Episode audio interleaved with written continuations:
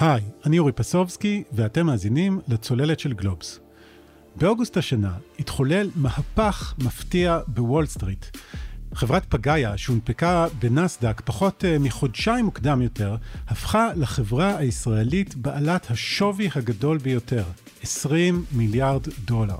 פגאיה עקפה בדרך חברות מוכרות ומבוססות כמו צ'ק פוינט ונייס, אבל עכשיו, ארבעה חודשים מאוחר יותר, כל זה נראה רחוק מאוד. פגאיה נסחרת בשווי של פחות מ-400 מיליון דולר. כלומר, היא איבדה 98% משוויה תוך חודשים ספורים, והמניה שלה שווה היום פחות מדולר אחד. אבל פגאיה היא רק עוד מקרה אחד, קיצוני במיוחד, לחברות שהנפיקו בוול סטריט בנתיב מיוחד, דרך מה שנקרא ספאק, דיברנו על זה כאן בצוללת. זה היה אחד הטרנדים הלוהטים של שנת 2020 ותחילת 2021. התקופה בה אחז בוול סטריט סוג של טירוף. אפילו כתבו על זה שירים.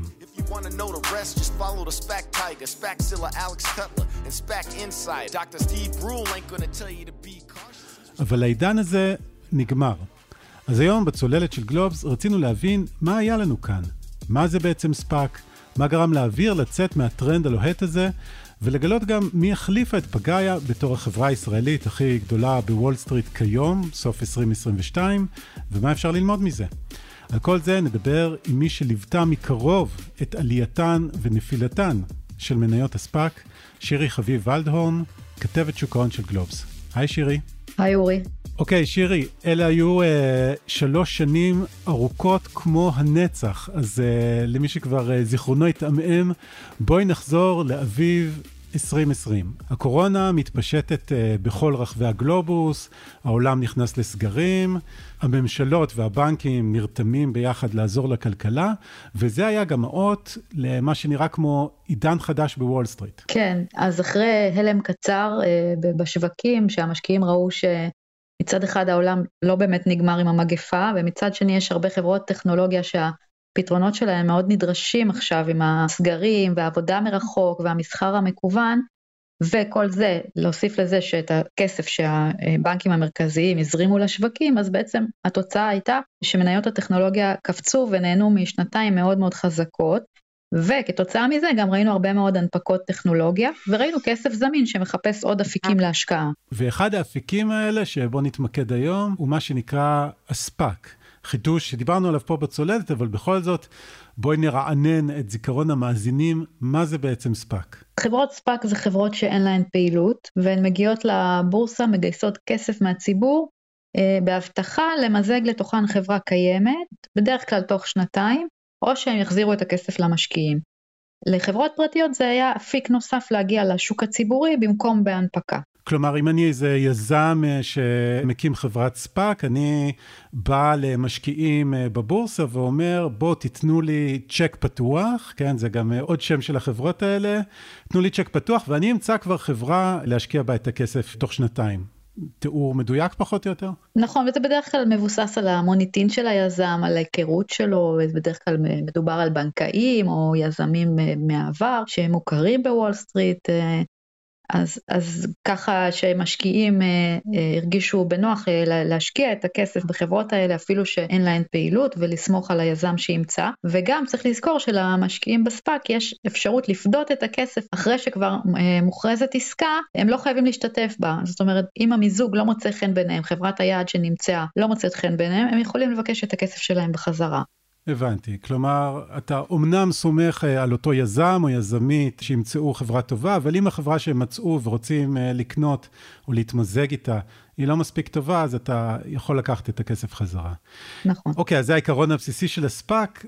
כמה רחבה הייתה התופעה הזאת? אנחנו מדברים על 300 אה, הנפקות ספאק רק ברבעון הראשון של 2021, שזה היה רבעון השיא של התופעה הזאת, ו-2021 הסתיימה עם כמעט 600 הנפקות של ספאק, ובשלב מסוים ראינו יותר הנפקות של ספאקים מאשר של חברות רגילות בוול סטריט. כן, חשוב להתעכב על עוד נקודה שהיא אה, לפעמים חברות שנכנסו לשוק באמצעות מיזוג עם חברת ספאק, הן חברות שאולי לא יכלו, אולי לא הצליחו, אולי היה להם מוקדם מדי לעשות הנפקה רגילה. נכון, אה, בדרך כלל הנפקה רגילה מצפים שחברה תגיע לשוק כבר עם איזשהו סדר גודל של הכנסות, אולי רווחיות או דרך לרווחיות. בספאקים ראינו גם חברות עם ממש הכנסות זעומות, או בכלל לא אם מדובר באיזה סקטור שנחשב אה, משהו שציפו ממנו לצמיחה מהירה בעתיד, נניח החלל או האוטוטק. ראינו גם חברות שלכאורה הנפקה רגילה לא היו מצליחות לעשות. וזה כאמור מתלווה לאיזושהי תחושה של, אה, איך נקרא לזה, טירוף כללי בשוק ההון, כלומר, הייתה תקופה של... מניות כמו גיימסטופ שפתאום המריאו, אה, משקיעים ברובין הוד, פורומים ברדיט, כלומר אה, ממש אה, אנשים ישבו בבית וסחרו במניות. כן, הייתה תקופה מעניינת, ראינו הרבה משקיעים פרטיים שנוהרים בעדר לכל מיני מניות, הזכרת את התופעה של גיימסטופ, אז זה היה חלק מהשיא הכללי בשוק. אבל מתישהו העניינים מתחילים להשתנות. כן, מבחינת הספאקים אנחנו מדברים על uh, אביב 2021, סוף רבעון ראשון, תחילת רבעון שני, פחות או יותר, יש איזשהו שינוי מגמה. מצד אחד יש כבר מספיק חברות שהתמזגו, שהשלימו מיזוגים, והמשקיעים מגלים שחלק מהם הציגו אופטימיות גדולה מדי לפני המיזוג, זאת אומרת התחזיות שלהם היו בדיעבד גבוהות מדי לעומת מה שקרה בפועל, מהצד השני אנחנו רואים גם את הרגולטור בארצות הברית מתחיל ככה להשמיע אזהרות בנוגע לסיפור הזה, אז יש איזושהי אה, התקררות של השוק הזה החל מאותה תקופה. אחד הרגולטורים, אה, אגב, הוא אה, גארי גנסלר, יו"ר הרשות האמריקאית לניירות ערך. שלקראת סוף השנה שעברה קצת יותר מאוחר, הוא אפילו הוציא כאלה סרטונים uh, שמציגים uh, ספאקים באור uh, לא מחמיא בהכרח. Suppose a group of strangers came up to you and said, I have a company that doesn't do much of anything, but sometime in the next two years will merge with another company. I don't know what that company is yet. Would you invest in the strangers company? ובאמת מאז מספר ההנפקות של הספאק ירד מאוד, ובמקביל מה שדיברנו על שיעורי הפדיון שמשקיעים בספאקים יכולים לבקש את הכסף בחזרה, שיעורי הפדיון עלו מאוד, הרי הם לא חייבים להשתתף במיזוג, אז uh, הרבה מקרים ראינו של uh, מיזוגים של uh, שיעורי פדיון של מעל 90 אחוז. חלק מהחברות אפילו לא פרסמו כמה, אבל אפשר להעריך את זה. כלומר, את באה, גייסת כסף ממשקיעים, חיפשת חברה להתמזג איתה, ואת אומרת, באתי ומצאתי, ואז 90% מהמשקיעים שלך אומרים, בעצם אנחנו לא מעוניינים להשתתף. נכון, זה משפיע גם על, ה- על היקף הגיוס של החברה שמתמזגת לספאק, כי היקף הגיוס יורד משמעותית. בדרך כלל מתלווה לגיוס הזה מהספאק גם uh, הנפקה uh, מצד משקיעים נוספים, אז יש כסף במיזוג הזה, אבל הרבה פחות ממה שתוכנן, כי אם 90% לא משתתפים, זה כבר אה, ירידה משמעותית בהיקף. כלומר העסקה יוצאת לפועל, אבל אה, כבר אין מצב רוח טוב. כן. אה, מה קרה באופן כולל ככה למספר הספאקים השנה? כלומר, אוקיי, עברנו מ-21 ל-22. כן, אז אה, מספר ההנפקות ירד משמעותית, אה, 83 הנפקות אה, ספאק עד סוף חודש נובמבר, לפי הנתונים של חברת SPAC Research. ויש גם יותר ויותר חברות ספאק שגייסו כסף, הנפיקו כבר לפני שנה וחצי, שנתיים, מבינות שלא יצליחו להשלים מיזוג תוך שנתיים והן מחזירות את הכסף למשקיעים, זה צעד שנקרא liquidation. כלומר לא יצא מזה כלום. נכון. בכל זאת, עדיין היו השנה עסקאות ספאק, שאולי הבולטת שבהן, לפחות כאן בישראל, הייתה מעורבת בחברה שהזכרנו בפתיח, פגאיה. פגאיה השלימה השנה את המיזוג שלה לחברת ספאק. פגאיה היא חברת אה, פינטק, יש לה פתרונות אה, מבוססי ביג דאטה ולמידת מכונה שאמורים אה, לאפשר לכל מיני גופים פיננסיים, בנקים, להקצות בצורה יותר מדויקת את האשראי שהם נותנים ללקוחות שלהם. היא חתמה על ההסכם למיזוג עם ספאק בספטמבר 2021, זה כבר אחרי תחילת החולשה בשוק הספאקים, אבל לפני הירידות החדות בשווקים. והשווי שנקבע לה במיזוג היה 8.5 מיליארד דולר, ולא היה שינוי בשווי למרות הירידות בשווקים, ככה שהיא הגיעה לשוק עם ציפייה לפחות של חלק מהמשקיעים לירידה מהירה במחיר המניה. ובאמת תוך אה, שבועיים מהרגע שהתחילה להיסחר היא נפלה בעשרות אחוזים, אבל אז בעצם התחילה תופעה מפתיעה, התחילה לזנק המניה בעשרות אחוזים ללא סיבה ברורה, וכמו שאמרת, היא הגיעה בתחילת אה, אוגוסט לשווי של 20 מיליארד דולר, החברה הכי גדולה בישראל. רגע, אז רק לראות שהבנתי אותך נכון, אה, כאשר אה, סיכמו על המיזוג הזה עם הספאק, אמרו, אוקיי, ניתן לה, נעריך את השווי שלה ב-8.5 מיליארד דולר, אבל בין הזמן שסיכמו על העסקה לזמן שהחברה הזאת נכנסת לבורסה, כל מגזר הטכנולוגיה מתחיל לרדת. והיא בכל זאת נכנסת עם המחיר המקורי, כך שאפשר לצפות שהיא תרד, אבל אז מתישהו זה מתהפך והמחיר שלה מזנק. נכון. אוקיי, אז למה הוא זינק? אנחנו יודעים אה, להסביר מה בעצם קרה למניה שלה? כי בכל זאת סיטואציה קצת קיצונית. כן, סיטואציה מאוד קיצונית, וההסבר המקובל זה שהיה פה מקרה קיצוני של short squeeze. אם כבר הזכרנו את המונח הזה, אולי כדאי להתעכב עליו. מה זה short squeeze בדיוק? נניח שיש משקיע שהוא רואה במניית פגאיה, או לא משנה בכל נייר ערך אחר, הזדמנות לרווח באמצעות הימור נגד המניה הזאת, הערכה שלו שהיא צפויה לרדת. אוקיי. אוקיי. אה, מכירה בשורט, מכירה בחסר, הסוחר מקבל בהשאלה את הנייר ומוכר אותו בשוק, ולאחר מכן הוא רוכש אותו מחדש כדי להחזיר לבעלים, כי זה היה בהשאלה, כך שאם המחיר של המניה יורד בין לבין, השורטיסט מרוויח. אבל בפגאיה השורטיסטים נתקלו בבעיה, כי כמות המניות שהיה אפשר לסחור בהן, הסחורה הצפה, הפלוט, הייתה נמוכה מאוד, כי רוב המניות של המייסדים והמשקיעים הוותיקים היו עדיין חסומות, ורוב המשקיעים של הספאק העדיפו לפדות את הכסף ולא השתתפו במיזוג, אז לא היו את המניות האלה מלכתחילה. והתוצאה הייתה שהשורטיסטים התקשו מאוד למצוא מניות להשאלה, ואז הם היו חייבים לקנות את המניות בשוק כדי להתכסות, כדי לסגור את הפוזיציה של השורט, וזה מה שהוביל לעלייה חדה מאוד במניה. כלומר, כשאני מהמר נגד מניה, אני לוקח ממך בהלוואה מניה, ואז מוכר אותה, נגיד מכרתי ב-40, ואז המחיר שלה יורד עוד, נגיד עכשיו אני יכול לקנות אותה ב-20, ואני מחזיר לך את המניה ששאלתי ממך, אז אני שומר לעצמי 20, את ההפרש בין המחיר שמכרתי אותה, 40, למחיר שקניתי אותה כדי להחזיר לך אותה, שזה היה 20, אבל אני חייב להחזיר לך את המניה, ואם אני לא הצלחתי לקנות מניה והמחיר שלה עולה, אני בעצם חייב לקנות אותה בכל מחיר, כי אני חייב להחזיר לך אותה. ובמקרה של אה, פגאיה פשוט לא היו מניות בשוק, אז כל השורטיסטים התחרו עליהם אחד מול השני. אנחנו אכן יודעים שזה מה שקרה? זאת הערכה שזה מה שקרה, זה אפילו אה, משהו שפגאיה פרסמה בדיווחים הכלליים שלה כאחד מגורמי הסיכון, היא חייבת לציין גורמי סיכון, אז אה, היא גם העריכה שזה זה.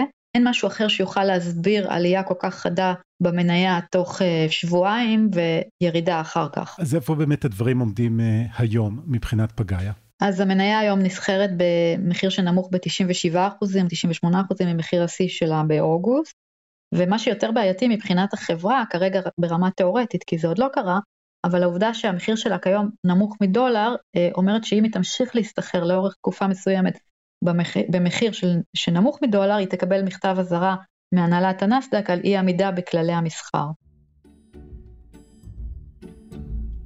אוקיי, okay, ויכול להיות שיש פה איזו תופעה ספציפית של אה, מניה שהימרו נגדה, ואז אה, התחילו לקרות כל מיני דברים משונים למחיר שלה, אבל בכל זאת, אה, עד כמה פגאיה מייצגת את חברות הספאק? היא מייצגת מהבחינה הזו שהמניה שלה ירדה מאוד והיא נסחרת היום בשווי נמוך בהרבה מהשווי שלה במיזוג. רוב החברות הישראליות שמוזגו לספאקים בשנתיים האחרונות נסחרות היום מתחת לשווי שלהן במיזוג, חלק מהן מתחת למחיר של דולר, מניה, וכבר קיבלו מכתבי אזהרה. מצד שני פגאיה לא מייצגת באופן שככה הטלטלה הזאת שהיא עברה, עלייה חדה ואז ירידה חדה, זה לא משהו שראינו בהרבה חברות אחרות שמוזגו לספאק, ראינו משהו דומה במניה של סלינה, אבל ממש לא לאורך זמן, לאורך יום יומיים אחרי שהיא השלימה את המיזוג. אז תגידי, אני מניח שמשקיעים שהשתתפו באמת אה, בסופו של דבר במיזוג כזה של ספאק, ואז הערך מאוד יורד, הם בוודאי הפסידו כסף, אבל... Uh...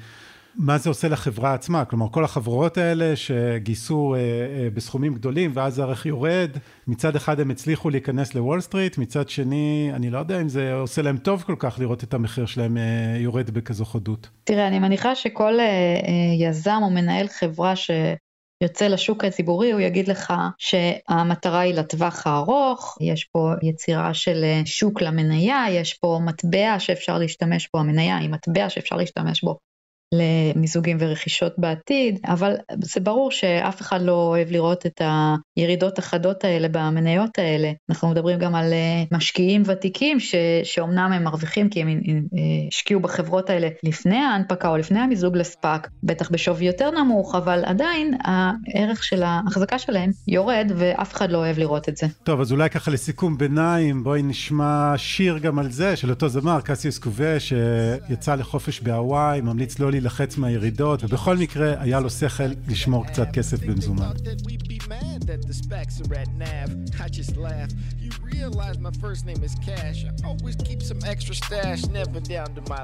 אוקיי, אז אם ככה, אולי נעשה זום אאוט אה, קצת מעבר לחברות הספאק, צריך לציין שהן ממש לא היחידות שירדו מאז השנה שעברה. כן, הן התחילו את הירידות עוד קודם, אבל אה, לקראת סוף שנה שעברה ראינו גם אה, ירידות אה, במניות הטכנולוגיה שלא מוזגו לספאק, שהגיעו לשוק בהנפקה או שוותיקות, הנפיקו כבר לפני שנים, מה שקרה זה שהמשקיעים בוול סטריט התחילו לצפות להעלאות ריבית על רקע האינפלציה והעדיפו להשקיע בחברות יותר מבוססות על פני השקעה במניות אה, צמיחה שלא תמיד גם היו רווחיות ובאמת אנחנו רואים בשנה האחרונה אה, מניות טכנולוגיה ישראליות שאיבדו עשרות אחוזים מהשווי שלהן. טוב תשמעי זה נושא קצת אחר אבל uh, מעניין כשלעצמו אז אולי כדאי להזכיר ככה על קצה המזלג שבדרך uh, גם הרבה אנשים ויזמים שהיו מיליארדרים על הנייר, איבדו את הונם, או איבדו את אה, הונם התיאורטי, ואת כתבת על זה לאחרונה אה, בגלובס. כן, אבל שוב, במקרה הזה כדאי להזכיר שכשאנחנו מדברים על היזמים בחברות, הם מבחינתם בחברות האלה נמצאים לטווח הארוך, אז לכאורה פחות משפיע עליהם הפסד כזה או אחר על הנייר. אה, אבל בכל זאת מתחילת השנה הנוכחית עד סוף נובמבר יש יזמים שאיבדו סכומים באמת אה, ניכרים, לדוגמה שני המייסדים של מאנדיי איבדו יחד אה, עד סוף נובמבר 1.6 מיליארד דולר ושלושת המייסדים של גלובלי איבדו מעל 700 מיליון דולר על הנייר, אז כן הסכומים גדולים. על הנייר אבל עדיין לא נעים. אוקיי, okay, אז uh, היה את uh, שלב uh, טירוף הספאק, אחר כך התחילו האזהרות, אחר כך ראינו את ה... Uh, מחיר יורד, ובחודשים האחרונים, כמו שהזכרת, אנחנו רואים עוד משהו, חברות ספאק שפשוט מחזירות את הכסף? כן, מתחילת השנה אנחנו מדברים כבר על 65 חברות ספאק, זה 65 חברות שהנפיקו לפני שנתיים, ועכשיו נאלצו להחזיר את הכסף למשקיעים, או כי לא הצליחו להשלים עסקה וחלפו שנתיים, או שהבינו מראש שאין להם סיכוי להשלים עסקה תוך שנתיים והעדיפו כבר להחזיר את הכסף. אה, ואנחנו מעריכים, אה, אפשר להעריך שברבעון הראשון של 2023, שזה רבעון שיסמן שנתיים לשיא של ההנפקות, אז נראה עוד ועוד חברות כאלה שיחזירו כסף למשקיעים. יש גם אה, חברות ספאק ישראליות שהדדליין שלהם אה, מתקרב, לדוגמה יש את אה, חברת בית של דני ימין וקובי רוזנגרטן שהונפקה במרץ 2021 ובינתיים עוד לא הודיע אפילו על עסקה. כלומר, אם uh, דיברנו על שיא הטרנד הזה שהיה באביב 2021, אז שנתיים מאוחר יותר, אביב 2023, אנחנו נראה בעצם שאלה מהחברות האלה שלא מצאו חברה להתמזג איתה, פשוט יחזירו את הכסף. סוג אה, של, את יודעת, סוף אה, של עידן. כן, נכון. אז אה, ההייפ אמרנו כבר הסתיים בשנה שעברה, ובמחצית הראשונה של 2022 כבר חזרנו לרמות של הנפקות ספאק, כמו שהיו לפני ההייפ הגדול של, שהתחיל ב-2020. אגב, נניח מישהו גייס כסף מהציבור במטרה לבצע איזושהי עסקת מיזוג, במטרה למצוא יעד לרכישה באמצעות ספאק, עוברות שנתיים, הם לא מצאו את היעד ופשוט אה, מחזירים את הכסף למשקיעים. מישהו הפסיד פה כסף או שפשוט נתתי את הכסף למישהו, אחרי שנתיים הוא מחזיר לי אותו, אולי יכולתי להרוויח במשהו אחר, אולי לא, אבל לא קרה לי יותר מדי נזק. היזמים של הספאק, הספונסרים של הספאק, אה, הם בדרך כלל מפסידים כסף כי יש את הכסף, את העלויות של הרישום, של התשקיף, בנק, השקעות וכדומה, אז הם מפסידים כסף, כן. מישהו היה צריך לשלם לבנקאים ולעורכי הדין. כן. אוקיי, אוקיי, אז כמו שהזכרנו, חברות ספאק היו מין אה, נתיב נוסף, קצת יותר קל להגיע להנפקה בוול סטריט. מה קורה אבל להנפקות באופן אה, כללי יותר? באופן כללי שוק ההנפקות הוא לא לגמרי סגור, אבל אנחנו לא רואים הרבה הנפקות גדולות בוול סטריט בחודשים האחרונים. יוצאת דופן הייתה ההנפקה של מובילאיי הישראלי, שהייתה גם הנפקה גדולה וגם מוצלחת, אה, אחרי שכבר הורידו את השווים שדיברו עליהם קודם, היו מי שקיוו שההנפקה של מובילאיי תפתח את חלון ההנפקות ככה לרווחה, אבל בינתיים זה לא נראה שזה קורה. מה בעצם הסיפור של ההנפקה של מובילאיי? Uh, מובילאיי, אני אזכיר לך, הייתה חברה ציבורית, היא כבר uh, הונפקה בעבר, ולפני כמעט שש שנים אינטל קנתה אותה, אבל מאז השתנו כמה דברים באינטל והחליטה להתמקד בפעילויות אחרות, הייתה צריכה כסף למימון הפעילויות האלה והחליטה להנפיק את מובילאיי למרות כל המצב בשווקים.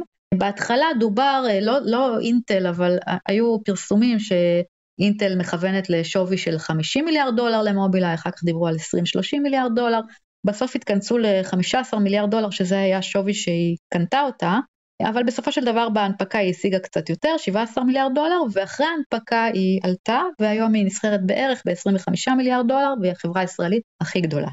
אה, אינטל רק אה, ניתן שבעקבות ההנפקה היא תקבל ממובילאיי סוג של איזשהו דיבידנד ונשארת בעלת המניות הגדולה בחברה למרות שהיא כבר נסחרת עכשיו בוול סטריט. אוקיי, ואם פתחנו את הפרק בזה שפגאיה הייתה החברה הישראלית הכי גדולה, אז יש כאן הבדל ברור בינה לבין אה, מובילאיי, שהיא חברה ותיקה יותר, עם אה, הרבה יותר זמן בשוק, היקף עסקים יותר גדול.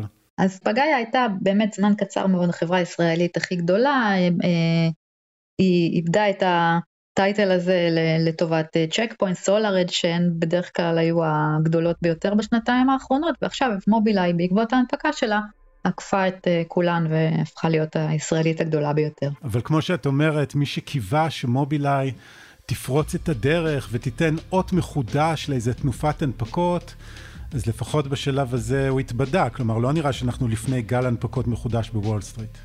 לא, בינתיים זה לא נראה ככה.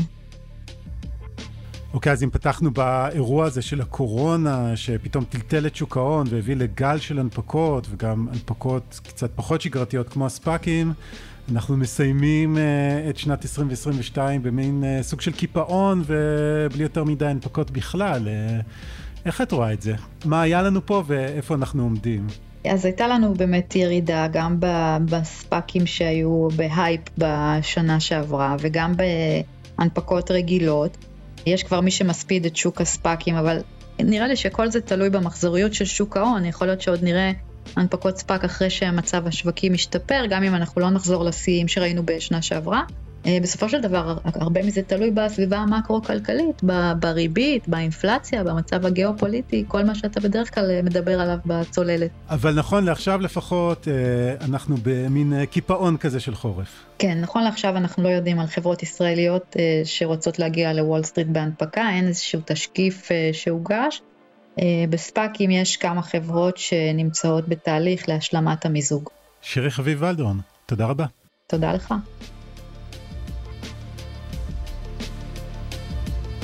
עד כאן עוד פרק של הצוללת. אתם יכולים למצוא אותנו באתר גלובס, בספוטיפיי או בכל אפליקציית פודקאסטים, ונשמח אם תדרגו אותנו שם גבוה. ואתם מוזמנים לשלוח את הפרק לחברה או חבר שעדיין חולמים להתמזג עם ספאק. קטעי הסאונד ששמעתם לקוחים מערוץ היוטיוב של קאסיס קובי ושל ה-SEC. עורך הסאונד הוא ניר לייסט, הילה וייסברג עורכת הפודקאסטים של גלובס, אני אורי פסובסקי, להתראות.